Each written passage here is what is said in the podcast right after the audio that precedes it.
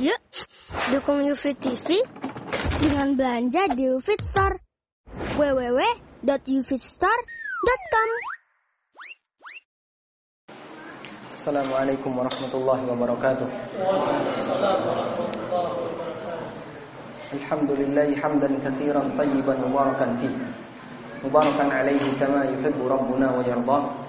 Wa ashhadu an la ilaha illallah wahdahu la syarika lah. Abduhu wa rasuluh. Sallallahu alaihi wa ala alihi wa sahbihi wa sallam tasliman katsiran amma ba'du. Bapak Ibu para jamaah Islamic Center Baitul Muhsinin yang kami hormati. Syukur alhamdulillah Allah Subhanahu wa taala memberikan semangat yang luar biasa bagi kita semua. Anda di malam ini yang seharusnya mungkin sudah beristirahat karena kelelahan untuk berpuasa, namun Allah Subhanahu wa taala memberikan kita kekuatan untuk belajar.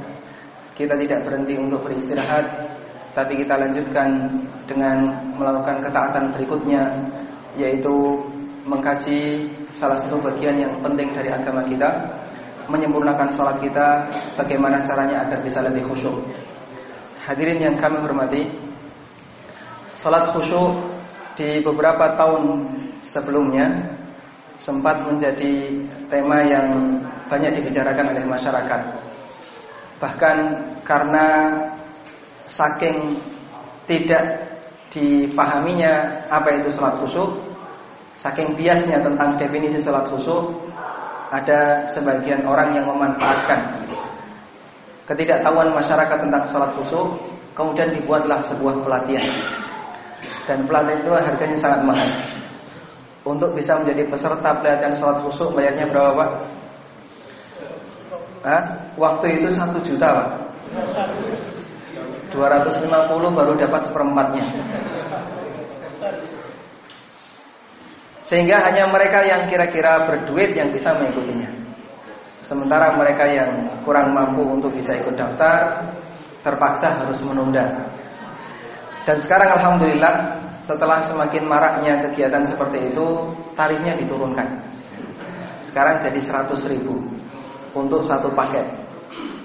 Saya punya beberapa tetangga yang dia sempat ikut pelatihan ini di angkatan-angkatan awal. Waktu itu harganya masih mahal dan dia sangat membanggakan hasil dari pelatihan itu. Karena hampir semua peserta yang ikut pelatihan tadi pada saat pelatihan dia bisa nangis ketika sholat. Pada saat pelatihan. Kemudian saya bertanya, sebenarnya metodenya seperti apa? Kok sampai harus semahal itu? Untuk bisa jadi peserta tukang becak nggak boleh. Karena harganya mahal. Apakah kemudian sholat khusyuk yang diajarkan oleh Nabi Wasallam itu nilainya sangat mahal sampai modalnya harus besar agar bisa belajar seperti itu? Dan rata-rata kan digunakan hotel mewah untuk pelatihan sholat khusyuk. Kemudian dia ngasih tahu bahasanya dalam pelatihan sholat khusyuk itu e, trainernya menggunakan fasilitas audio visual. Jadi digambarkan e, bagaimana suasana yang membuat kita semakin mengagungkan Allah Subhanahu wa taala. Untuk menunjukkan betapa kecilnya kita dan maha besarnya Allah Subhanahu wa taala. Kemudian dikasih-kasih suara yang membuat orang itu terkadang merasa terenyuh ketika mendengar suara semacam ini. Akhirnya setelah kondisi seperti itu disuasanakan, mereka tinggal diajak sholat. Sekali waktu tinggal kerling saja pak, sudah bisa nangis ketika sholat. Terus saya tanya, apa yang bapak bayangkan setelah bapak mengikuti pelatihan sholat khusyuk? Coba kira-kira kalau bapak bisa cerita ke saya, biar saya bisa niru. Sehingga saya membayangkan apa begitu agar saya ternilai sholat saya sebagai sholat yang khusyuk. Ada banyak versi yang disampaikan oleh mereka para mantan pelatihan sholat khusyuk. Ada yang mengatakan setelah saya mengikuti sholat khusyuk, saya itu bisa merasa khusyuk jika pada saat sholat saya membayangkan seperti berada di luar angkasa. Jadi kanan kiri saya itu suasana serba gelap, cuman ada bintang-bintang sama bulan. Nah, ketika dalam kondisi seperti itu, saya seolah-olah berada di tempat yang sangat besar, sementara saya adalah sesuatu yang sangat kecil. Lalu saya bisa khusyuk. Ada juga yang menjawab, saya bisa merasa khusyuk pada saat saya sholat saya membayangkan saya seperti berada di depan Ka'bah. Jadi di hadapan saya itu ada Ka'bah, di situ ada banyak orang, saya sedang sholat menghadap ke arah Ka'bah. Ada juga yang membayangkan saya seperti berada di taman surga. Ada suara air, gitu ya. Ada suara burung berkicau dan seterusnya. Ada yang bayangkan saya seperti berada di sebuah tempat depan saya itu putih bersih, tidak ada apa-apa. Itu adalah dan yang saya sembah, maha besar sampai tidak kelihatan.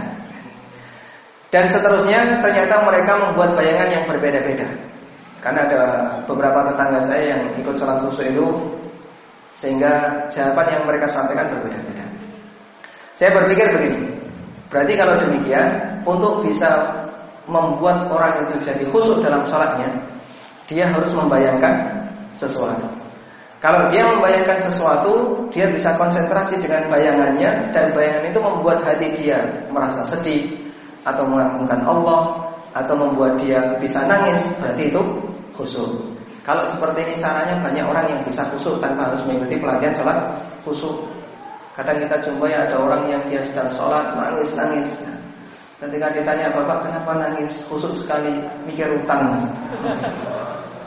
Subhanallah. Ya. Ada yang ketika dia sholat, masya Allah dia bisa tertunduk, dia nangis dan seterusnya. Ternyata berpadu baru bujuni. Dan aneka ragam latar belakang orang nangis ketika sholat. Tapi tentu saja ini bukan standar sholat khusus. Karena beda antara nangis dan menangisi. Kalau nangisi berarti dia sholat punya masalah. Mau nangis mikir utang, nangisi utangnya, nangisi anaknya, nangisi bojone dan seterusnya. Tapi kalau nangis berarti dia menyadari betapa kecilnya dia yang sedang berhadapan dengan Allah Subhanahu wa taala yang maha besar. Karena itulah akhirnya berkat Allah Subhanahu wa taala di kesempatan ini kita akan mengupas sebenarnya apa itu khusyuk dalam salat. Sebelumnya kita sampaikan bahasanya ada dua istilah yang perlu kita bedakan. Ada khusyuk, ada tumaknina. Ada khusyuk, ada tumaknina. Untuk tumaknina ini hukumnya rukun dalam salat. Orang yang tidak tumak nina dalam sholat Dia wajib mengulangi sholatnya. Ada sebuah hadis yang diriwayatkan oleh Bukhari Muslim. Dari sahabat Abu Hurairah radhiyallahu anhu Nabi Wasallam pernah melihat ada seorang sahabat yang masuk masjid. Kemudian sahabat ini sholat cepat sekali dua rakaat. Selesai sholat sahabat ini mendatangi Nabi Wasallam menyampaikan salam kepada beliau. Kemudian oleh Nabi SAW diminta ulangi Salli fa'inna kalam tusalli Ulangi sholatmu karena kan tadi sholatmu batal. Kemudian dia sholat lagi.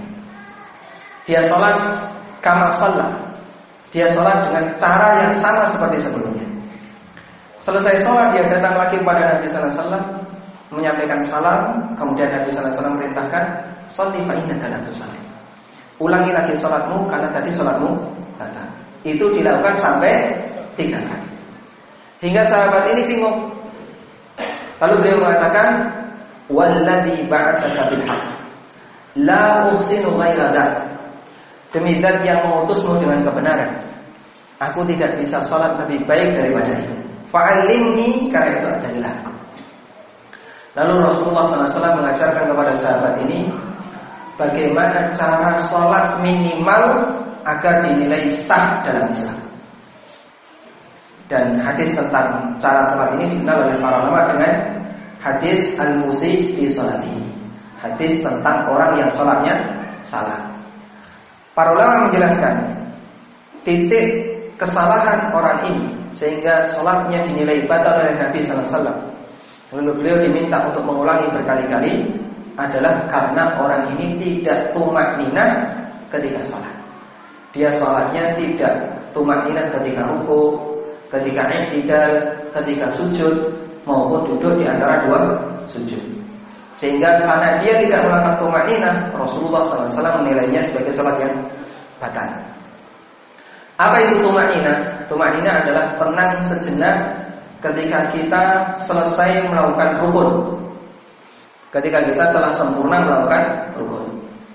Bapak Ibu, rukuk Allahu Akbar. Kemudian sempurna rukuk, tenang sejenak, ini namanya tumanina. Berapa ukuran sejenak tenang sehingga dihitung sebagai tumanina? Sebagian ulama ngasih batasan ukuran sejenaknya adalah cukup untuk membaca satu kali doa rukun itu.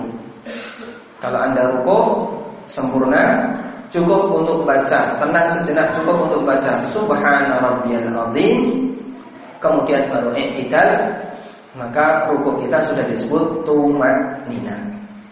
Kemudian untuk rukun yang lain kasusnya sama. Ini yang pertama, masalah apa? Tumanina. Jika ada orang yang tidak tumanina dalam sholatnya, maka sholatnya batal karena dia meninggalkan salah satu rukun sholat. Ada sebagian orang yang beralasan begini, kalau ukuran minimal tumanina itu sekali baca pada saat sempurna melakukan gerakan rukun sholat, saya itu lebih dari tumanina karena saya bacanya tiga kali. Tapi kenapa kok kadang saya disebut sholatnya terlalu cepat? Jawabannya betul bapak baca tiga kali.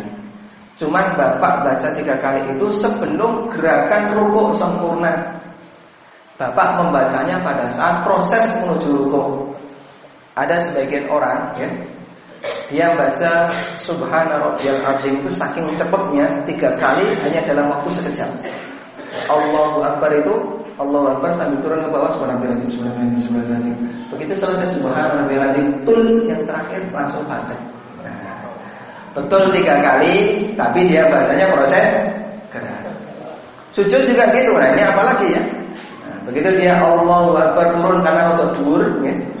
Jadi rada ada Allah Akbar turun subhanallah subhanallah subhanallah cuma nyetok turun nah, itu sudah yang ketiga Langsung dia bangkit Allahu Akbar. Kalau seperti ini caranya, meskipun dia sudah membaca tiga kali, dia belum disebut tumanina. Baca doa itu setelah sempurna bergerak. Sujud dulu yang bagus, baca. Jangan baca ketika proses bergerak menuju sujud. Dan kesalahan terbanyak itu seperti ini. Orang membaca ketika bergerak menuju rukun, bukan ketika sudah sempurna melakukan rukun. Ini tidak tumanina. Baik. Kemudian yang kedua, khusyuk. Khusyuk secara bahasa artinya at-tadallul wal khudu. Merendahkan diri dan tunduk itu sudut uh, arti khusus secara bahasa. Allah Subhanahu wa taala ceritakan dalam Al-Qur'an, "Wa khasha'atil aswatu fala tasma'u illa hamsa." Ketika di padang mahsyar itu khasha'atil aswat. Semua suara tertunduk, tidak ada suara yang melengking naik tidak ada. Tidak ada suara yang teriak tidak ada. Semua suara tertunduk. Fala tasma'u illa hamsa sehingga kamu tidak mendengar kecuali hanya bisikan-bisikan saja. Itu ketika kapan? Di padang mahsyar. Bapak Ibu bisa bayangkan ada seribu manusia dikumpulkan di stadion. Wahai para jamaah, diam dalam waktu lima menit, cep. Bisa? Enggak bisa. Nanti tinggal muni, kono muni, muni, muni, karena jumlahnya seribu, Pak. Kalau ditambah lagi 100 ribu. Diam dalam waktu satu menit. Suruh diam satu menit. Bisa nggak? Nggak bisa. Nanti sana muni, sana muni dan seterusnya. Apalagi kalau sudah anak kecil ya. Ada anak kecil di situ Mereka membuat komplotan anak-anak nah Itu berbahaya. Apalagi kalau jumlahnya lebih besar lagi Coba kita bayangkan, semua manusia dari awal sampai terakhir dikumpulkan oleh Allah Subhanahu wa taala di padang mahsyar. Buat itu kira-kira suaranya rame nih kaya apa? Wong pasar saja cuma segelintir orang suruh diam nggak bisa. Ini manusia sejaga dikumpulkan jadi satu, itu kira-kira ramenya seperti apa? Namun ternyata bayangan ini meleset. Kondisi yang terjadi pada saat itu tidak ada satupun makhluk yang berani mengeluarkan suara sehingga yang terdengar hanya bisik-bisik Ini suara gerakan. Wa aswar fala tasma'u Semua suara itu tertunduk, khusyuk sehingga tidak ada yang terdengar kecuali hanya bisik-bisik belakang. Ini terjadi ketika kapan? Ketika di padang di hari. Ini makna khusyuk secara bahasa. Dan khusyuk itu hukumnya ada dua. Pertama, khusyuk dalam taraf ihsan. Khusyuk dalam taraf lebih dari mendekati sempurna. Ini hukumnya tidak wajib. Dan yang kedua, khusyuk dalam taraf minimal ada. Ini hukumnya wajib. Yang dimaksud khusyuk dalam taraf ihsan adalah khusyuk yang dilakukan untuk mendekati sempurna. Manusia tidak bisa 100% khusyuk dalam sholatnya. Sehebat apa pun dia, sekalipun beliau seorang yang paling mulia, dia tidak bisa khusyuk 100% dalam sholatnya. Jangankan kita, Nabi Muhammad Sallallahu Alaihi Wasallam, beliau pernah tidak khusyuk dalam sholatnya. Aisyah radhiyallahu anha pernah menceritakan dalam hadis yang diriwayatkan oleh Bukhari Muslim. Rasulullah SAW pernah dikasih hadiah oleh Abu Juhaim, oleh Abu Jaham sebuah pakaian ya, yang ada coraknya, ada garisnya. Kemudian dipakai oleh Nabi SAW dalam sholat. Cuman corak pak, nggak seperti kita pak, lurik dan badai. Nabi SAW cuma garis. Dan ini yang pakai siapa? Rasulullah SAW. Manusia yang paling khusus. Apa jawab Nabi sallallahu alaihi wasallam setelah beliau salat? Idhabu bi hadhihi ila Abi. Tolong bawa baju ini kembalikan ke Abu Jahal. Wa'tuni bi ambijaniyah dan tolong bawakan aku baju ambijaniyah, kain ambijaniyah yang polos. Milik Abu Jahal. Fa innaha alhadni anifan an salati. Karena garis-garis di kain ini tadi sempat mengganggu saya pada saat saya sholat. Subhanallah. Rasulullah SAW dengan hanya melihat garis, beliau merasa terganggu. Kalau kita melihat lurik di sajadah tidak merasa ter terganggu, malah menikmati. Kita merasa terganggu karena cuma kita tidak tahu nilai khusus dalam sholat, sehingga kita anggap itu biasa-biasa saja. Ini sajadah bentuk emang no apa ulo apa apa raja kan. Akhirnya saya dibayar macam-macam. Hanya gara-gara melihat iki bentuk yang mirip apa kan gitu. Sampai dia mikir itu dan tidak memikirkan sholatnya. Kayak gitu Pak ya? Ngaku Pak. Ya? Lihat sarung depannya. Mereknya gajah duduk atau gajah bola. Baik. Ini Contoh bagaimana kita tidak terlalu perhatian dalam masalah kekhusuan sholat. Kalau kita di masa silam mungkin itu akan kita singkirkan. Kita berusaha bagaimana membuat suasana agar sholat kita lebih bagus. Tapi kepentingan kita dari hadis ini adalah bahasanya khusus 100% itu tidak wajib. Nabi Muhammad SAW sendiri tidak melakukannya 100%. Terkadang beliau terganggu sholatnya dengan adanya bentuk-bentuk seperti ini. Kemudian dalil yang lain yang menunjukkan bahasanya Nabi SAW juga terkadang tidak khusus 100% dalam sholat. Rasulullah SAW pernah sholat dengan menggendong umama cucunya. Kalau kemudian beliau berdiri, beliau gendong. Kalau beliau sujud, beliau rukuk, ditaruh umama dan seterusnya. Sehingga ada banyak gerakan. Berarti ketika sholat perhatian beliau pecah. Perhatian terhadap bacaan sholat dan perhatian kepada cucunya. Makanya kadang begitu. Beliau SAW pernah jadi imam, ada bayi yang nangis, lalu diapakan? Rasulullah SAW mempercepat sholatnya, karena beliau khawatir dengan ibunya. Jadi imam mikir buat ini bayi.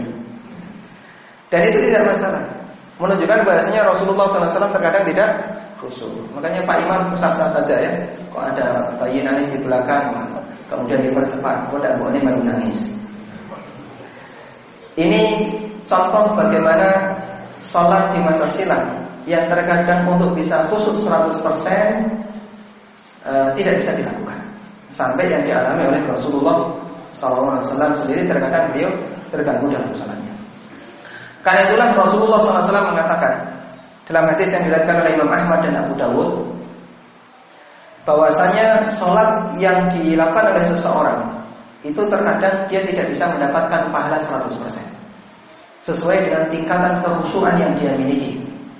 Nabi SAW mengatakan, Inna rajula la yansarifu wa ma kutiba lahu illa ushru salatiha aw tusuha aw subuha aw subuha aw sudusuha aw aw aw sampai yang terakhir aw nisfuha. Orang selesai salat dia hanya mendapatkan pahala ada yang sepersepuluhnya sepersembilan, seperdelapan, seper, seper, seper, sampai kata Nabi Sallallahu Alaihi Wasallam hanya mendapatkan setengahnya. Dalam hadis ini Rasulullah Wasallam menyebutkan angka, tapi angka di sini bukan pembatasan. Sehingga bukan berarti bahwasanya nilai sholat maksimal atau nilai sholat minimal adalah seper sepuluh dari pahala sholat. Bisa saja ada orang yang dia melakukan sholat, mungkin ada di antara kita yang sholat hanya dapat seper seratusnya. Dan tidak menutup kemungkinan yang cuma dapat seper seribunya. Seper seribu satu Tambah saja gitu. Ada seper sampai seratus ribu Bahkan mungkin seper jutaan. Tergantung dari kualitas sholat yang kita miliki. Semakin tidak berkualitas sholat kita Meskipun dia dalam taraf e, masih dinilai sah Semakin kecil pahala yang kita yang kita miliki. Yang ini salah satu di antara dalil bahasanya khusyuk ketika sholat 100% itu tidak wajib. Kemudian dalam sholat harus ada minimal khusyuk meskipun hanya sebentar. Yang ini tidak boleh hilang. Kalau itu hilang, sholatnya batal. Yang ini disebut dengan para, uh, diistilahkan oleh para ulama dengan mutlakul khusyuk. Al khusyuk al mutlak dan yang kedua mutlakun khusyuk. Khusyuk 100% ini tidak wajib. Dan yang kedua, yang penting ada khusyuknya. Yang ini wajib. Apa dalil bahasanya dalam sholat harus ada khusyuknya? Dalilnya adalah hadis yang diriwayatkan oleh Muslim dari Aisyah radhiyallahu. Rasulullah SAW mengatakan, La salata bihadrati ta'am wala huwa yudafi'ul akhbathan. Tidak ada salat ketika makanan sudah dihidangkan dan tidak ada salat sambil dalam kondisi menahan dua khobat, dua hadas dari jalan depan dan dari jalan belakang.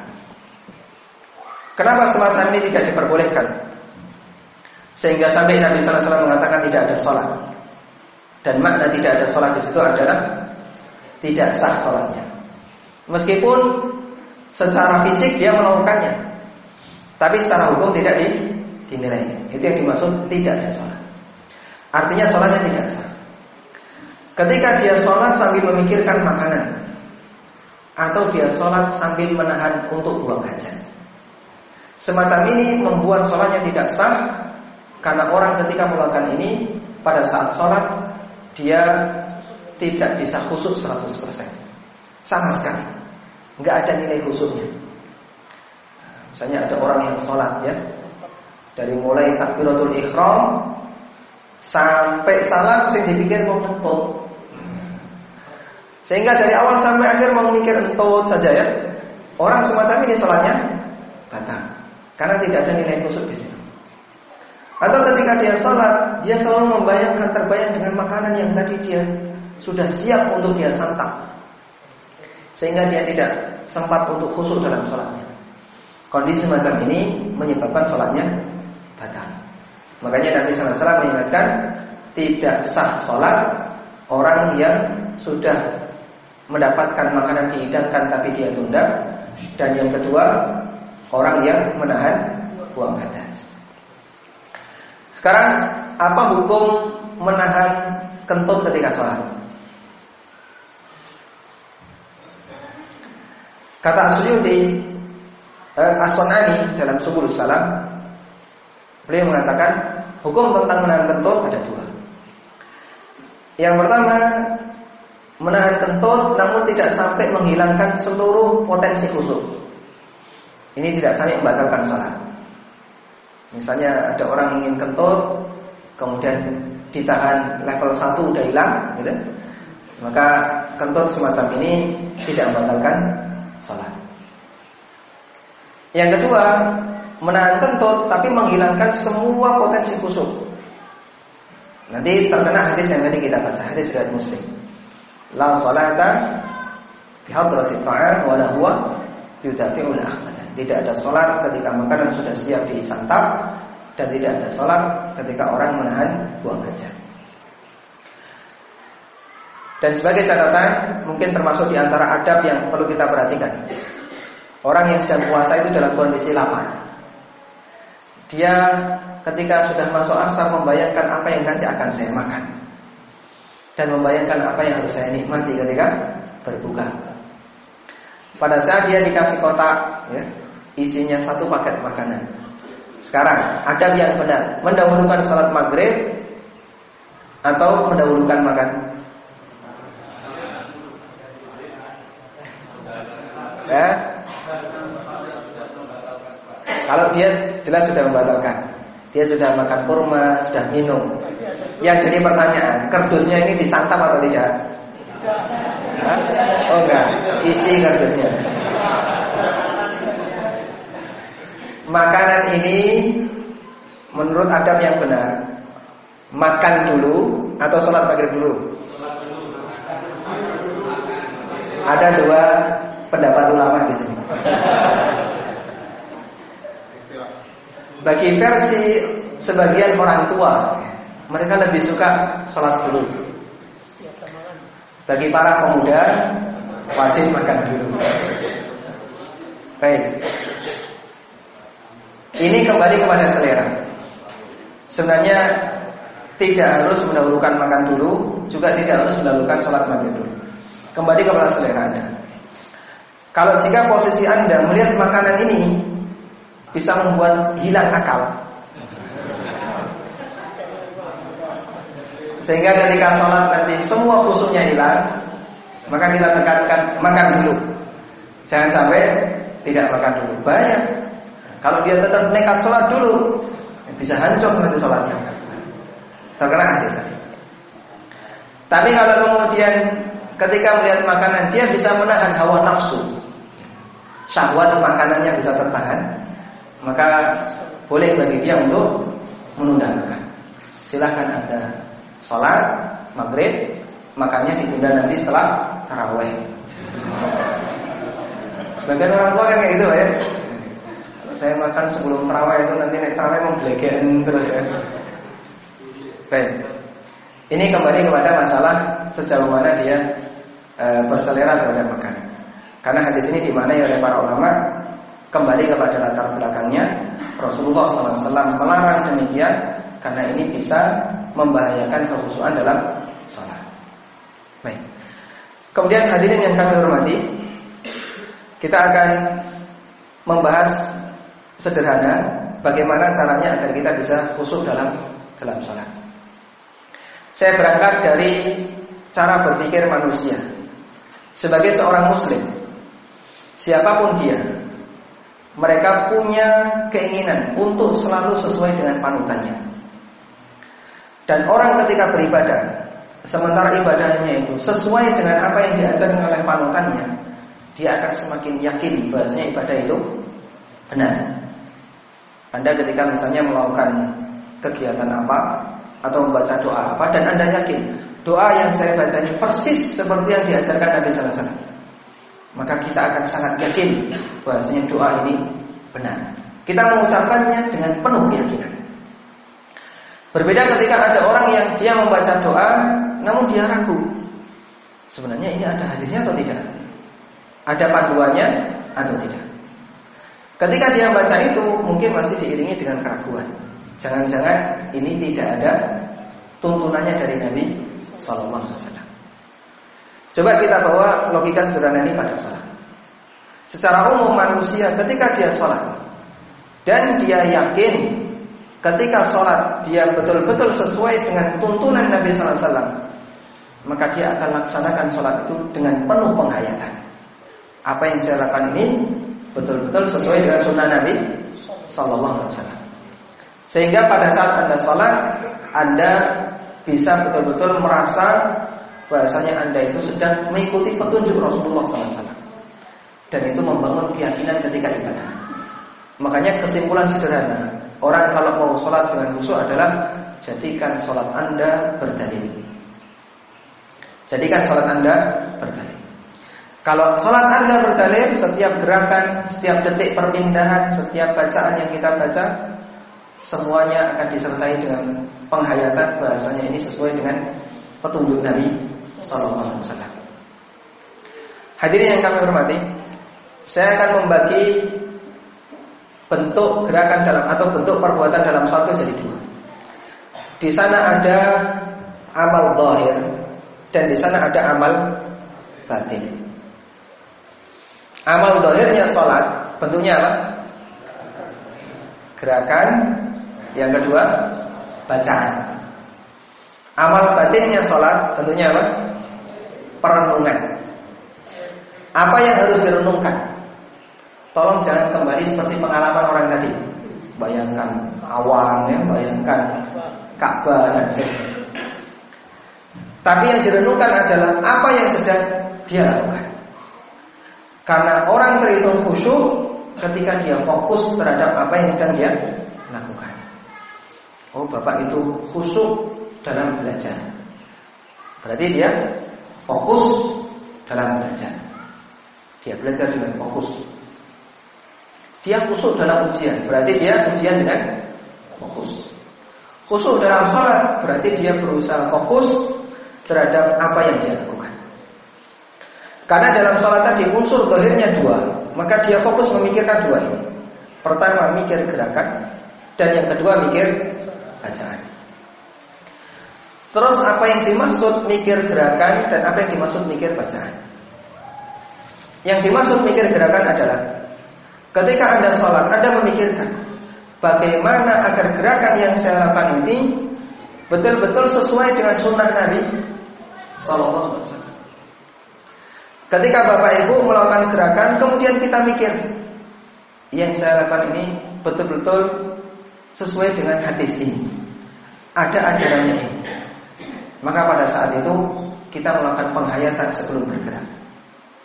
Sehingga pada waktu kita bergerak mikir dulu dan tidak otom otomatis. Umumnya orang itu ketika sholat karena dia sudah mengerjakannya sejak SD bahkan sejak TK sampai tua dan bentuknya sama, terkadang lebih banyak gerakan refleks dibandingkan gerakan mikir. Ya. Takbiratul ikram, ngangkat tangan refleks. Ketika ruku, gerakan ruku refleks. Pada saat i'tidal, begitu keringin sami Allah liman hamidah langsung refleks naik. Lebih banyak gerakan refleks dibandingkan gerakan mikir. Ada banyak orang ketika takbiratul ikram, nah, tangannya pokoknya refleks saja. Ya, seperti ini bentuknya. Atau kadang begini. Atau kadang berdamping uh, berhadapan-hadapan. Dengan bentuk yang beraneka ragam. Kenapa kok beda-beda? Karena beda gerakan refleksnya. Kenapa sampai muncul gerakan refleks seperti itu? Karena dia kerjakan dengan pola yang sama bertahun-tahun. Tidak ada perubahan. Kalau dia tidak pernah tahu bagaimana cara bergerak yang benar sesuai dengan dalil, maka sepanjang itu pula dia tidak akan pernah merenungkan bagaimana cara bergerak yang benar. Beda kalau Bapak Ibu sebelum bergerak sudah punya ilmunya. Saya sudah membaca hadis bahwasanya Nabi Sallallahu Alaihi Wasallam itu ketika mengangkat tangan posisi telapak tangan dibuka lebar, tidak digenggam, tidak ditekuk, tapi dibuka lebar. Jari-jari tangan dirapatkan menghadap ke atas. Telapak tangan lurus menghadap ke arah kiblat. Bisa setinggi pundak atau setinggi telinga. Kemudian beliau mengucapkan Allahu Akbar bisa Allahu Akbar dulu baru mengangkat tangan atau mengangkat tangan bareng takbir atau angkat tangan dulu baru mengucapkan Allahu Akbar. Tiga-tiganya boleh. Nah kalau anda punya ilmu seperti ini dan kita tahu dalilnya, sebelum takbiratul ikram sudah mikir dulu. Apa yang dipikirkan? Bagaimana cara takbiratul ihram yang? Begitu dia mau sholat, dia takbiratul ihram. Dia akan mungkin gerak-gerak menyesuaikan diri. Karena tidak ada gerakan otomatis. Mikir untuk setiap detik gerakan yang dia lakukan. Oh, takbir sudah benar, baru kemudian dia bergerak. Allahu Akbar. Ketika dia sedekap, umumnya orang sedekap itu banyak yang refleks. Pokoknya sedekap itu aja. Ada yang di perut ya, ada yang di bawah perut, ada yang rotok dur, ya, dan seterusnya. Banyak gerakan refleks dibandingkan sedekap yang memikirkan bagaimana posisi yang benar ketika sedekap. Kalau orang tahu dalil, Nabi SAW mengajarkan kalau sedekap itu bentuknya seperti ini. Dalam hadis dari Abu Rafi, Rasulullah SAW ketika sedekap terkadang diletakkan di telapak punggung tangan kiri atau di pergelangan atau di hasta. Ya, atau di hasta. Maka dia bersedekah kemudian dia letakkan tangannya. Ada tiga pilihan saya mau milih yang mana di sini di pergelangan atau di hasta sehingga pada saat dia sedekah dia pun mikir di posisi mana tangan saya harus saya letakkan. Tidak otomatis. Kemudian dia juga membaca riwayat yang sahih bahasanya Nabi SAW posisi menggenggam itu hanya di satu tempat, yaitu di punggung telapak kiri. Begini, bukan di pergelangan, tapi di punggung telapak kiri. Maka pada saat dia sedekap, saya mau menggenggam posisinya, dia genggam punggung telapak kirinya, bukan menggenggam pergelangannya. Sehingga pada saat dia mau sedekap dia mikir dulu, saya mau milih posisi yang yang mana. Nek sholat sendirian kanan kiri rotok longgar, dia besar sedekap begini. Mungkin sikutnya tidak akan ganggu orang lain. Tapi kalau dia sedang berjamaah, maka dia sedekap agak dirapatkan. Nah, ini nanti kalau saya lebarkan saatnya pinggirnya tidak mampu. Maka dia pun merapatkan posisi sedekapnya sehingga mendekati ke situ dan seterusnya. Dia bisa menyesuaikan diri. Sehingga dia ketika melakukan gerakan semuanya serba mi, mikir. Itulah khusyuk dalam gerakan. Tinggal kita sempurnakan saja. Berarti untuk semua gerakan kalau semuanya kita pikirkan bagaimana cara yang benar, berarti kita bisa khusyuk dalam setiap detik-detik gerakan. Karena itu hadirin bukan Allah Subhanahu wa taala dengan memahami sifat salat Nabi SAW bagaimana cara Nabi SAW sholat dengan yang sesuai dengan dalil yang sahih, maka kita salah satu di antara manfaatnya adalah bisa melakukan gerakan persis seperti yang dilakukan oleh Rasulullah Sallallahu Alaihi Wasallam. Ada satu catatan, ada sebagian orang yang ketika bersedekah begini pak ya, melebihi siku. Ini dijelaskan oleh Syekh Bakar Abu Zain rahimahullah tidak ada satupun riwayat Rasulullah SAW sedekap di lengan. Melebihi siku nggak ada. Maksimal sebelum siku. Tidak ada riwayat Nabi SAW sedekap setelah siku melebihi siku. Maka posisi kayak gini, ini cara sedekap yang keliru. Di tempat kita banyak orang yang sedekap seperti itu. Saya cari-cari sumbernya, ternyata salah satu di antara sumbernya adalah kesalahan penerjemahan. Rasulullah SAW bersedekah al yusra warusbi wasa'id. Nabi SAW meletakkan tangan kanannya di atas punggung telapak tangan kiri, di atas pergelangan dan di sa'id. Di buku itu sa'id diterjemahkan lengan. Nah itu keliru ya. Kalau lengan itu bahasa Arabnya adon Ain dal ini adon. Kalau sa'id hasta. Sebelum siku, sebelum atau sudah ini? Hah? Yang hitungnya itu kondisi siku ke bawah ini hasta, siku ke atas ini lengan, sa, uh, adon. Dan sedekap itu tidak melebihi siku. Karena itu eh, saya berharap tidak ada lagi yang bersedekap melebihi siku. Kecuali bagi yang kademen ya. Ini alasan karena kebutuhan. Baik. Kemudian hadirin yang kami hormati. Tugas berikutnya adalah memikirkan bacaan. Ada dua hal yang bisa kita lakukan agar kita bisa maksimal dalam memikirkan bacaan. Pertama adalah memikirkan jenis bacaan. Agar bacaan kita sesuai dengan tuntunan Nabi SAW. Rasulullah SAW dalam beberapa gerakan sholat Terkadang beliau mengajarkan lebih dari satu jenis bacaan. Misalnya ketika iftitah. Nabi SAW mengajarkan beragam iftitah. Atau contoh yang lain ketika sujud atau ruku Nabi SAW mengajarkan beragam doa ruku.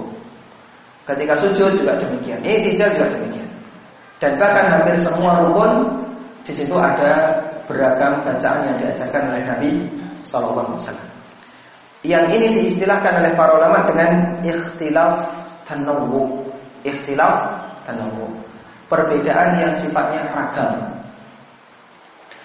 Dan kita ketika menjumpai ada perbedaan yang beragam yang semuanya diajarkan Nabi Sallallahu maka kita sangat dianjurkan untuk mempelajari dan menghafalkan semuanya.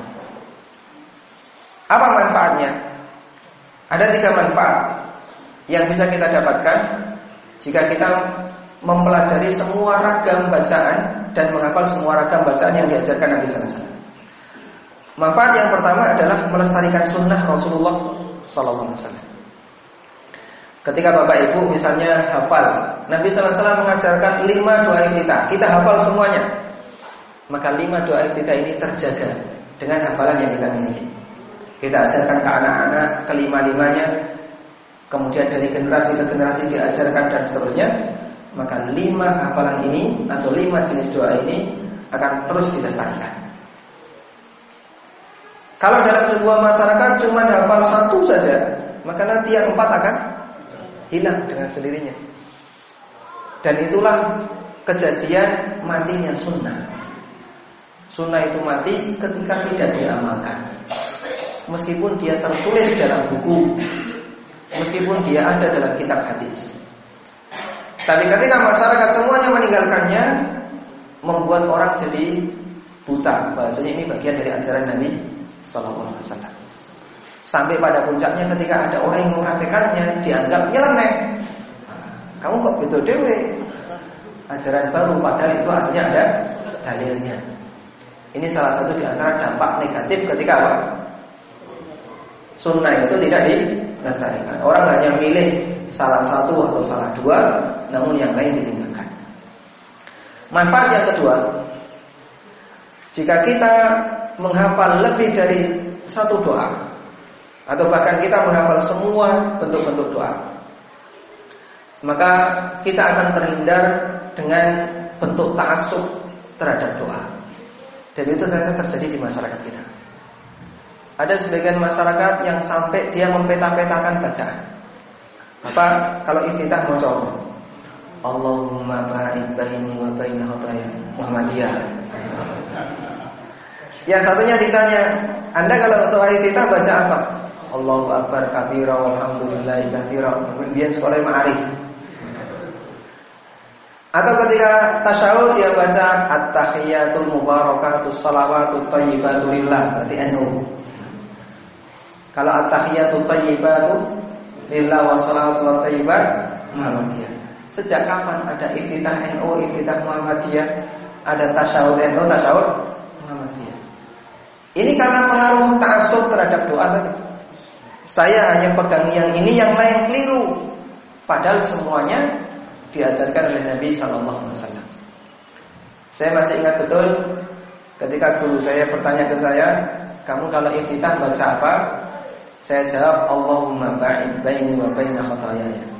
Apa beliau katakan? Betul, pilih yang itu saja, jangan yang lain. Di doktrin, pokoknya yang itu, yang lain nggak benar. Allahumma ba'id baini ini riwayat Bukhari, Muslim, uh, muttafaqun alaih. Lihat Bukhari Muslim. Ya betul itu yang paling yang paling derajat sahihnya paling tinggi. Allahu akbar kabira walhamdulillahi katsira riwayat Muslim dari Ibnu Umar. Tapi semuanya sahih. Kalau kemudian caranya seperti ini berbahaya. Bisa mengerucutkan orang pada salah satu sunnah sampai tasuk dengan sunnah itu. Dia anggap yang lain keliru. Ini bagian dari dampak buruk, dampak negatif ketika orang hanya mengambil satu sunnah dan meninggalkan yang lain. Kemudian manfaat yang ketiga, jika Bapak Ibu punya lebih dari satu doa atau bahkan punya banyak jenis doa, maka ini akan mendorong kita untuk lebih maksimal khusus dalam sholat. Sehingga minimal begini, pada saat Bapak Ibu selesai takbiratul ihram, Allahu Akbar sedekah. Saya yakin kalau Anda punya lebih dari satu doa, tidak akan otomatis. Sebelum baca doa iftitah, mikir dulu, mau jenis doa iftitah mana yang akan saya baca. Wah ini saya jadi imam. Ini kedawan doa iftitah dikiranya lali Fatihah. Akhirnya dia pilih iftitah yang ringkas. Subhanakallahumma wa bihamdika wa ta'ala jadduka wa tabaraka asmuka wa ta'ala jadduka wa la ilaha ghairuka dia pilih ini yang ringkas. Atau dia pilih doa iftitah yang lain yang ringkas. Tujuannya apa? Ngomong makmumnya biar diamnya tidak terlalu lama kalau dia sholat sendirian mungkin dia bisa pilih Allahumma ba'id baini wa baina khataya yang lebih panjang. Dan seterusnya. Kalau dia sholat malam dia bisa pilih iftitah yang lain. Allahumma rabba Jibril wa rabba Mika'il wa rabba Israfil. Anta tahkumu baina ibadika fima kanu fihi yakhtalifun. Ihdini lima ikhtalifa fihi fi dan seterusnya. Ada banyak versi yang diajarkan Nabi SAW. Kalau Bapak Ibu punya hafalan itu semua, ini akan membantu kita. Sebelum baca mikir mau pilih doa kita ya. Tapi kalau tahunan hanya mau siji, yang dimiliki mbok ngatuk kaya apa otomatis Jepang. Langsung seperti itu. Kenapa? Karena hanya itu yang punya. Pokoknya anggrek rukuk ya mesti subhanallah wa bihamdi. Meskipun ngantuk tetap mengucapkan. Ada salah satu imam di pondok itu dia membaca surat Al-Kahfi. Saking hafalnya surat Al-Kahfi, dia membaca imam ketika jadi imam itu ngantuk Pak aslinya Pak. Tapi al-kahfinya nggak keliru pak. Jadi ngertinya ngantuk itu ramandek mandek pak. Sampai hampir selesai al-kahfi itu baru sadar dia kedawan yang dibaca. Al-kahfi kan panjang pak ya. Ya itu makmumnya yang keheranan kok hebat ini imamnya ya. Baru dia ngasih tahu bahasanya sebenarnya tadi waktu jadi imam tuh ngantuk. Tapi karena dia hafal surat Al-Kahfi itu seperti hafal surat Al-Fatihah, jadi sekalipun ngantuk gak keliru. Baik. Dan pengaruh itu juga kita sering melakukannya pada saat Bapak Ibu baca doa dalam sholat yang doa itu hanya satu kita hafal, sehingga refleks yang lebih banyak kita lakukan. Karena orang kalau sudah sangat hafal, dia lebih banyak gerakan refleks dibandingkan gerakan mikir. Saya yakin tidak ada imam yang lupa Fatihah di sekitar kita ya. Kecuali kalau sudah termakan usia tua. Itu faktor lain. Kalau masih sehat, masih muda, meskipun ngantuk, Fatihah keliru nggak kira-kira? Ambruk baru keliru ya. Nah, ini pengaruh kalau orang tuh punya banyak atau hafalannya hafalan harian. Tapi kalau dia punya lebih dari satu, sebelum dia bergerak dia akan mikir dengan dia akan milih doa apa yang harus saya baca. Coba di sini ada yang hafal lima jenis doa rukuk. Ada hadiahnya apa? Ini, ini sudah disiapkan dia.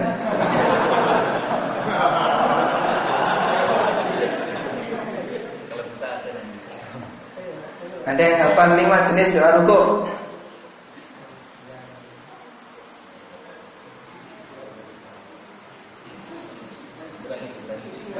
Ya baik, empat Yang hafal empat jenis doa ruku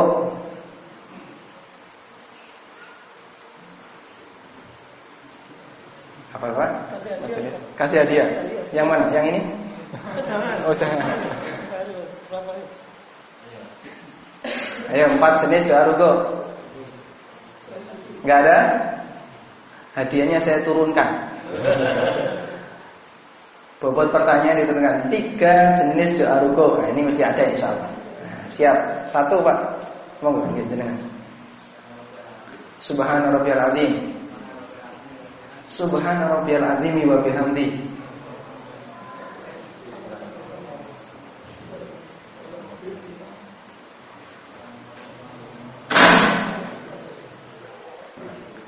Mau pakai mic mas biar hafal. Oh gitu. Iya, biasanya kalau pakai mic groginya hilang. Oh, beda beda Pak. Ganti yang lain. Silakan Pak. Subhana rabbiyal azim. Gimana Pak? Ibu nggak dengar Pak? Suruh pakai mic. Gimana gimana? Subhana rabbiyal azim. Subhana rabbiyal azim wa bihamdi. Subhanakallahumma rabbana wa bihamdika Allahumma firli. Ada yang mau nambahkan lagi? Subuhun kudusun Rabbul malaikat waruh. Tambahkan lagi. Subhana dzil jabarut wal malakut wal kibriya wal azama. Lima ya. Baik. Yang punya lima ini dapat hadiah. Nah, yang tiga tadi dapat hadiah. Bapak satu. Tadi cuma dua pak ya. Nanti dilengkapi lagi pak ya, biar dapat hadiah.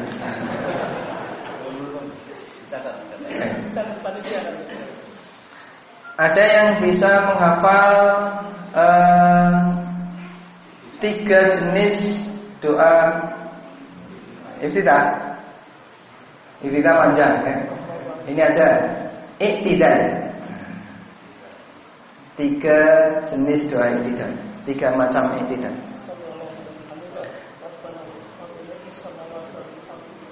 Silakan Pak. Rabbana walakal hamdu. Rabbana walakal hamdu. Mil samawati wa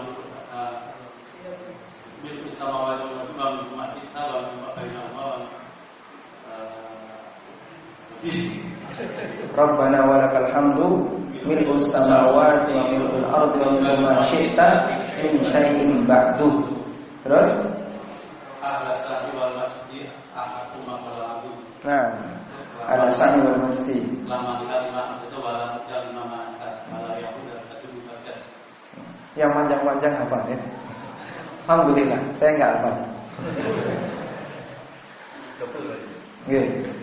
Diborong Pak. Alhamdulillah. Kurma. Baik.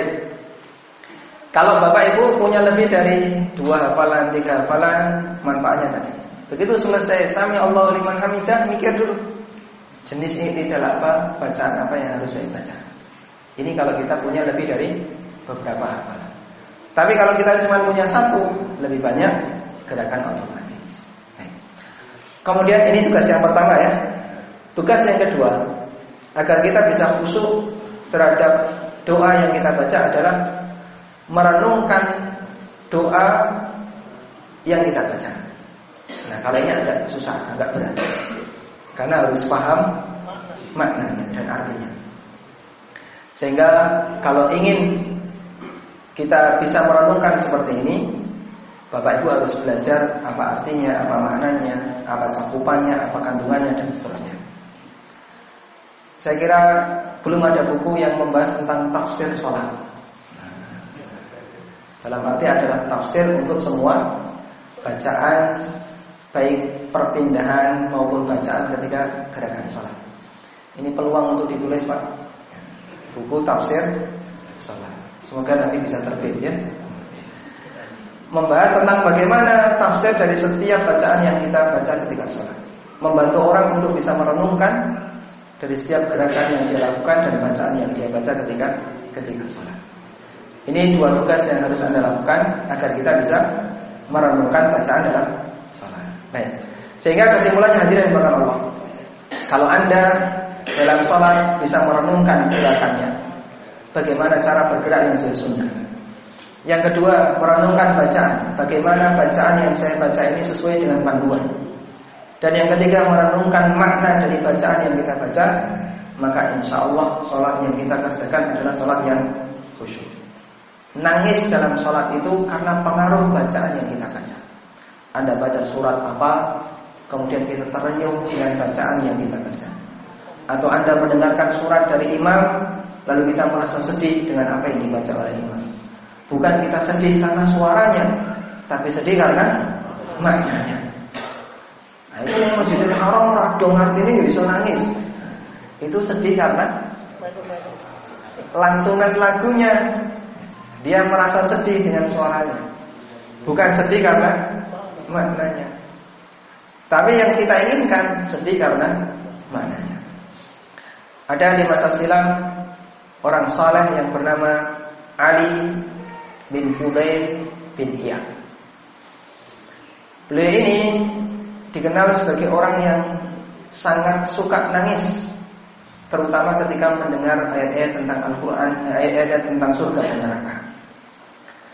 Makanya Pak Imam, sebelum memulai sholat, dia akan cari dulu, ada nggak Ali bin Fudail bin Iyad. Kalau Ali ada di tempat, ada di masjid, maka imam akan membaca surat tentang hukum, tentang kisah para nabi, atau tentang masalah yang di situ tidak menyinggung surga dan neraka. Nanti kalau nyinggung masalah surga dan neraka, Ali itu nangis. Kadang sampai suara tangisan Ali didengar oleh kanan kirinya. Akhirnya suatu ketika Pak Imam ini sebelum mulai sholat dia lihat ke arah makmum sambil menyiapkan sholat. Ternyata Ali tidak ada. Menurut anggapan dia. Akhirnya dia pun sholat dan mulailah Pak Imam membaca ayat yang cerita tentang surga dan neraka.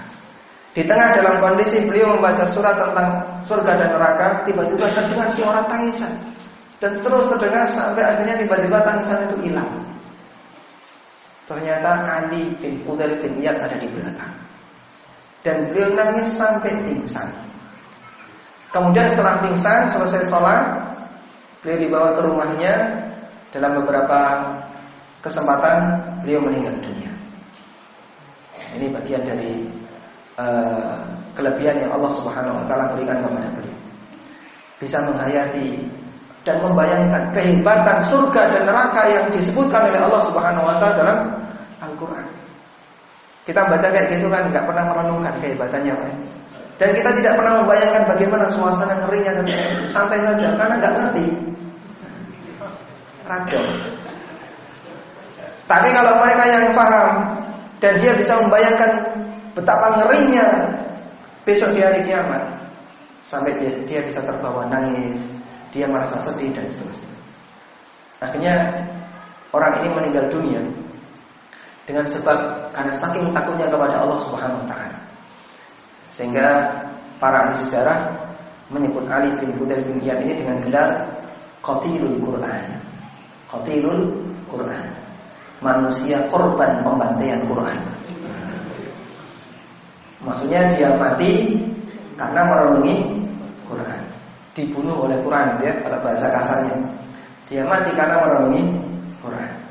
Tidak ada sumbangan untuk beliau karena tidak diupload oleh, tidak dipublis oleh Kompas. Kalau sekarang ada korban Ramadan Kemudian disumbang banyak orang Dan ternyata 99% yang nyumbang orang Cina Yang kafir Dan satu persennya pendukung Ahok yang lain gitu.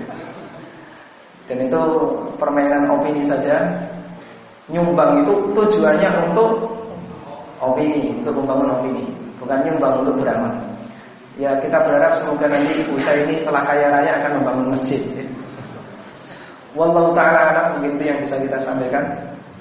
Kita selesaikan sampai jam 10. Jika ada yang ingin disampaikan,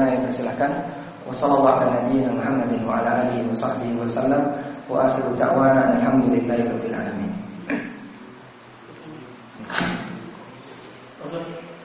Ini pertanyaan untuk Ahmad bisa pakai catatan yang bapak-bapak kita yang ringkas. Assalamualaikum warahmatullahi wabarakatuh. Waalaikumsalam warahmatullahi wabarakatuh. Bagaimana menjadikan eh, Allah menjadikan hadirnya Allah dalam di waktu sholat. Terima kasih. Nabi SAW pernah ditanya oleh malaikat Jibril tentang apa itu ihsan. Dan Nabi SAW mengatakan ihsan itu ada dua tingkatan. Tingkatan yang pertama adalah anta'budallaha ka'annaka tarah. Beliau mengatakan ka'annaka seolah-olah seolah-olah kamu melihat Allah. Karena kita tidak mungkin melihat Allah sementara kita masih hidup. Nabi SAW pernah dalam eh, dalam hadis riwayat Muslim ketika beliau mengingatkan tentang bahaya Dajjal. Dajjal itu datang mengaku Tuhan. Nabi SAW mengatakan innakum lan tarawna rabbakum hatta tamutu. Kamu tidak akan melihat Allah, melihat Rabb kalian sampai mati. Maka kalau ada orang yang mendoakan kita semoga cepat ketemu Allah. Itu sama dengan muda. Bahasa lainnya ya. Terus bagaimana dengan ihsan tadi? Seolah-olah melihat Allah. Ini hanya seolah-olah, bukan melihat Allah. Sehingga kita sholat itu seolah-olah di depan kita adalah Allah Subhanahu wa taala. Bukan kita melihat Allah, seolah-olah di depan kita Allah. Sebagaimana ketika Bapak Ibu bekerja, seolah-olah Bapak Ibu berada persis di depan bosnya. Anda bekerja, ini laptop, untuk bekerja, depan Anda adalah bos. Kemudian kadang bosnya itu keliling. Kira-kira berani nggak buka Facebook? Ya, berani tidak? Atau dia chatting di WA? Atau dia buka YouTube untuk nonton video-video? Atau dia bekerja sambil tiduran, sambil ngantuk, atau sambil telepon telepon? Berani nggak? Dia akan khusyuk dalam bekerja. Karena bosnya ada di depannya. Ini tingkatan ihsan yang paling tinggi. Sehingga ketika dia sholat, dia merasa bahasanya di depan saya adalah Allah Subhanahu Wa Taala. Maka dia berusaha semaksimal mungkin jangan sampai ada cacat dalam sholatnya. Karena di depannya Allah. Yang kedua, fa'ilam takun Kalau kamu tidak bisa mengupayakan seperti ini, seolah-olah melihat Allah kamu nggak bisa. Fa'innahu yara. Yakini Allah melihat. Bosnya tidak ada di depannya, tapi di belakang Anda ada CCTV. CCTV nyambung ke bos. Sekalipun Anda tidak melihat bos, tapi Anda tahu ada CCTV dan Anda yakin ini sedang disaksikan oleh bos. Kita akan tetap berusaha untuk maksimal. Meskipun kadang eh, rotok dibedoi ya, dihalangi, kurang ngerti ini. Facebooknya dibuat warna berbeda, berbeda. Ya. Facebook warna pink. Oke, okay, uh, di dalam sholat kan ada sujud rukuk dan sujud. Dalam bacaan itu ada beberapa macam. Sekarang saya contohkan misalnya saya sholat subuh atau ya subuh saja. Pada waktu rokat pertama saya rukuknya baca subhanallah subhanallah yang alim. Hmm terus nanti yang sujud eh, rukuk kedua atau sujud itu beda pada Allah malu ini bisa tidak? Ya. Oke, pertanyaannya bagus. Kalau misalnya kita melakukan sholat dalam suatu sholat kita tumpang sari doa. Nah, gitu, kadang kalau jagung kacang namanya tumpang sari. Kadang kita di sujud pertama baca Subhana rabbiyal a'la. Sujud kedua Subhana rabbiyal a'la wa bihamdi. Nanti sujud berikutnya di rakaat berikutnya kita baca subuhun kudusun Rabbul malaikat waruh. Kita ganti doa-doa yang lain. Ini boleh atau tidak? Ulama beda pendapat kalau tumpang sari dalam satu gerakan. Misalnya saya ingin sholat malam sujudnya lama. Nek mau maca subhana rabbiyal a'la kayaknya bosan. Akhirnya dia dicampur dengan yang lain. Subhana rabbiyal a'la, subhana rabbiyal a'la wa subuhun qudusun rabbul malaikati war. Terus apa lagi? Subhana dzil jabarut wal malakut kemudian dicampur lagi dengan yang lain, diulang-ulang terus. Ini boleh atau tidak? Ada dua pendapat. Pendapat yang pertama, ada Hasan, ini baik dan itu diperbolehkan. Ini pendapat An Nawawi, rahimahullah. Beliau membolehkan dalam satu gerakan mencampur-campur doa eh, selama semuanya sesuai sunnah. Pendapat yang kedua tidak boleh. Ini pendapat Siddiq Hasan Khan. Siddiq Hasan Khan itu muridnya As-Sakhawi. As-Sakhawi muridnya Ibnu Hajar Al-Asqalani. Ini cucu muridnya Ibnu Hajar. Menurut Siddiq Hasan Khan nggak boleh kayak gini. Karena yang sesuai dengan sunnah Nabi SAW itu beliau hanya baca satu. Ini jika dalam satu gerakan.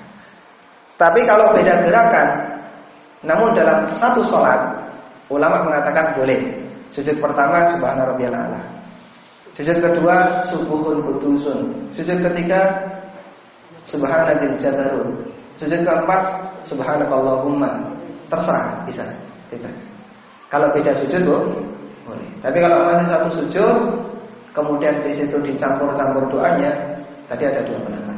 Dan pendapat yang lebih benar adalah pendapat yang kedua yang mengatakan bahasanya ini tidak diperbolehkan.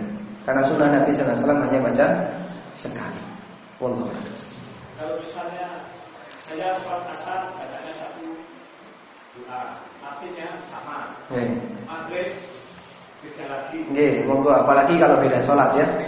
Satu sholat beda sujud boleh, apalagi beda sholat. Qobliyah subuh subhana rabbiyal a'la. Sholat subuhnya subuhun kudusun, boleh nggak? Boleh.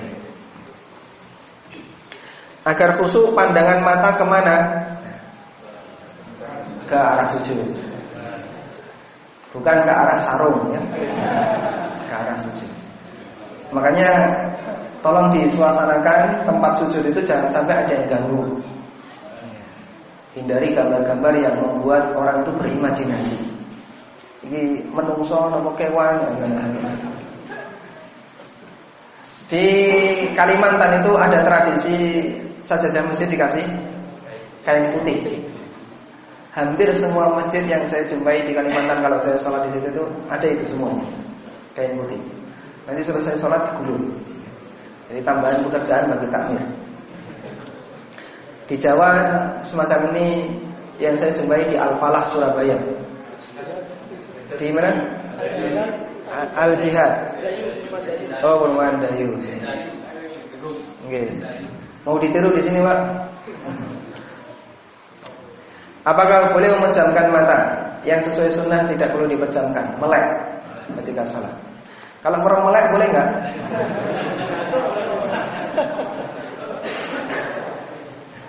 Ya, kalau tidak ada kebutuhan maka mata itu dibuka. Nabi SAW sholat sambil melihat, bukan dengan memejamkan mata.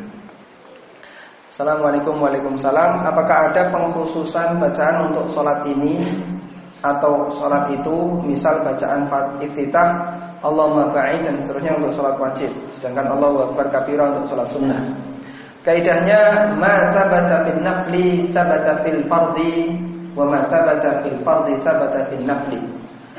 Dalil yang berlaku untuk salat wajib juga berlaku untuk salat sunnah dan sebaliknya. Ini kaidah umum. Illa bidalil, kecuali jika ada dalil yang mengecualikan. Misalnya, salat tarawih 4 rakaat pakai tasawuf awal enggak? Tidak. Tidak pakai tasyahud awal. Tapi kalau sholat isya empat rakaat kok pakai? Nah, ini karena ada pengecualian beda ya. Tapi secara umum antara dua sholat yang sunnah maupun yang wajib sama. Masih ada silakan yang mau bertanya.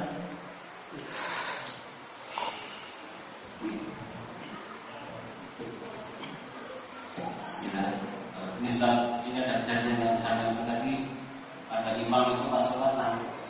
Terus jamaah itu ya hanya yang lain juga. Hadisnya habis sholat itu lama nangis. Si imam itu mengatakan saya dengan waktu baca salat fajr bacaan bal bal malaikat sofa Waja'a rabbuka wal malaku saffan Iya. saffa. Ini yang jamaah itu juga bingung. Kok imamnya nangis? Terus yang mungkin gimana sudah saya harusnya sama sama imam itu bagaimana? Ya insya Allah salat yang bagus yang dilakukan oleh imam Beliau bisa merenungi dari bacaan yang dia baca. Wajah rabbuka wal malaku saffan saffan Ini kan peristiwa di padang mahsyar.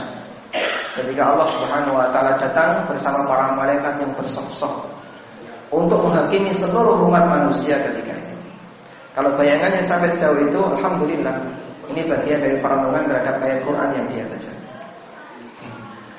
Dan imam nangis ini sah-sah saja, boleh-boleh saja. Nabi SAW pernah ketika beliau sakit, beliau minta agar yang menjadi penggantinya siapa? Abu Bakar. Muru Abu Bakrin ayyusalli binnas. Perintahkan Abu Bakar untuk mengimami jamaah. Tapi keluarganya Aisyah radhiyallahu anha mengatakan, "Ya Rasulullah, innahu baka." Abu Bakar itu gampang nangis. Nanti baru baca Fatihah sudah nangis Atau baru baca mulai surat apa nangis. Sehingga sholatnya nanti gak rampung-rampung. Nunggu nangisnya Abu Bakar. Tapi Nabi SAW tetap minta Pokoknya Abu Bakar. Dan istri beliau juga bilang Inna Abu Bakar. Sampai Nabi SAW mengatakan Antunna Sawahibu Yusuf. Kamu ini seperti wanita yang ada di sekitar Yusuf. Ngeyel. Setelah itu Abu Bakar yang diminta untuk maju. Wallahu a'lam. Sudah.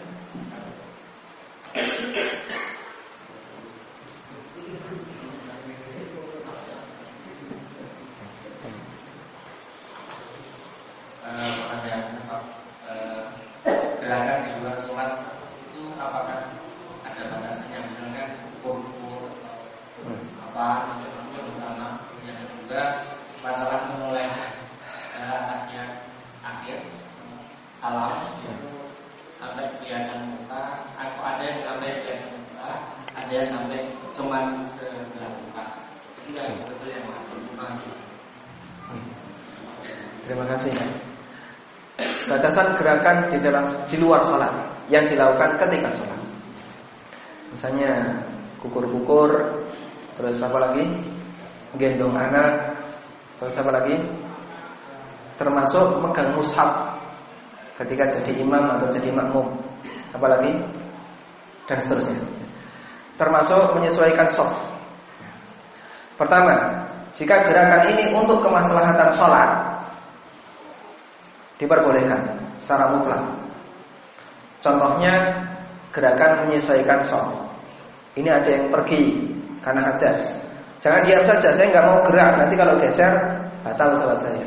Justru kalau anda diam nggak sempurna sholatnya, gerak merapatkan soft. Atau yang belakang maju, atau yang samping merapat dan seterusnya. Mana yang paling bagus itu yang dilakukan. Kemudian yang kedua, gerakan termasuk juga misalnya kiblatnya salah. Kiblatnya harusnya ke arah ke kanan dikit, gitu ya. Maka setelah dia dapat peringatan Bapak, kiblatnya salah, hadap kanan gerak. Nah, jangan diam saja. Dia harus segera hadap kanan. Karena ketika kiblatnya salah dia diam saja, maka sholatnya batal. Cukup pakai isyarat bisa kiblat berada di sebelah kanan Bapak. Nah, terus dia langsung mutar ke sebelah kanan. Ya. Ini belum rampung, Pak. Kemudian yang kedua, gerakan di luar kemaslahatan sholat. Seperti kukur-kukur tadi ya.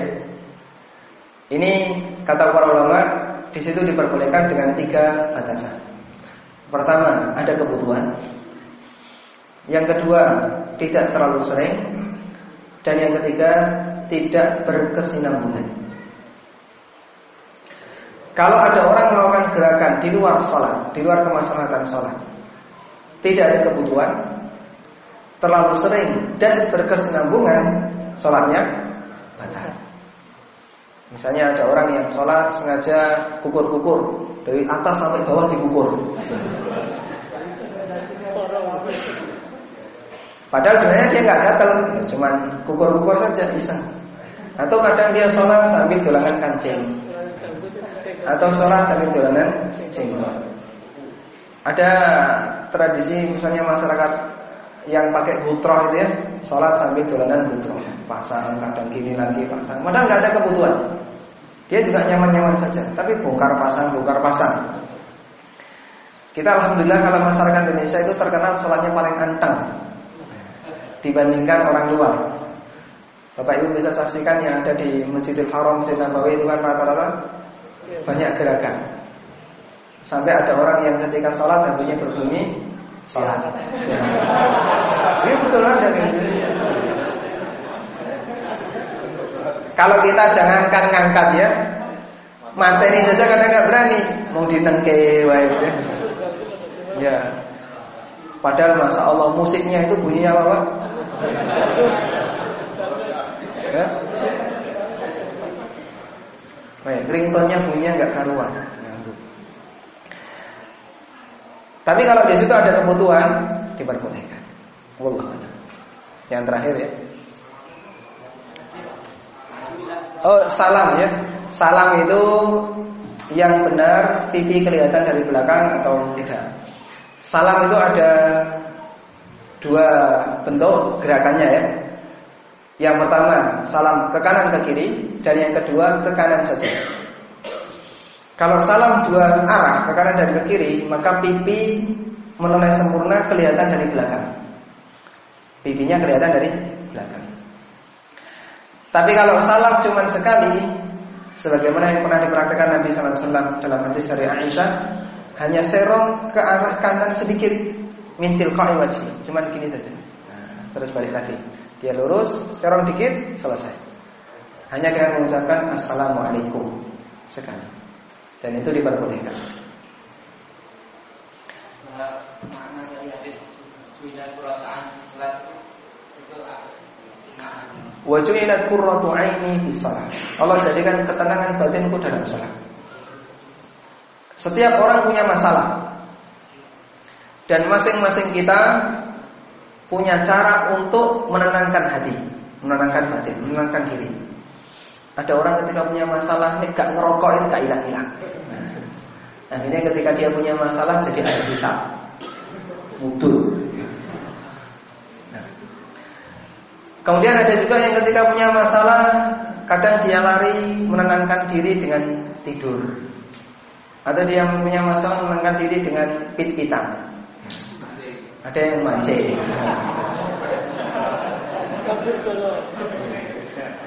Ada yang dolanan mano dan sebagainya. Ada banyak ragam orang ketika punya masalah Dan dia berusaha untuk menenangkan dirinya. Nabi Muhammad SAW Beliau punya masalah enggak? Banyak sekali. Masalah yang beliau hadapi ketika beliau berdakwah. Ada yang sini nyelekit kayak gitu, sana nyelekit, ini nyelekit, ini nyelekit, serba nyelekit komentar-komentar orang-orang munafik, orang Yahudi, orang kafir.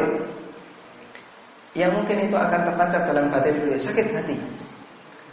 Namun Nabi SAW selesaikan itu dengan salat.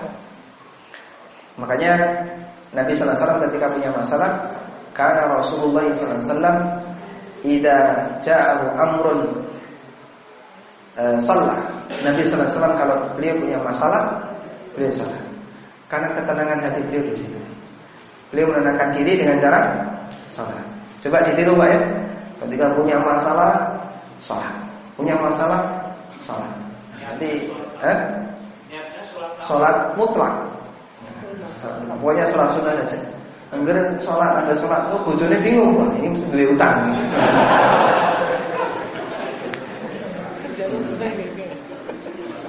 Wallahu taala alam mungkin itu yang bisa kita sampaikan. Saya tidak bisa melanjutkan ini. Lanjutkan. Wassalamualaikum Muhammadin wa ala alihi wa akhiru da'wana alhamdulillahi rabbil alamin. Subhanallahi wa bihamdik asyhadu an la ilaha illa anta astaghfiruka wa atubu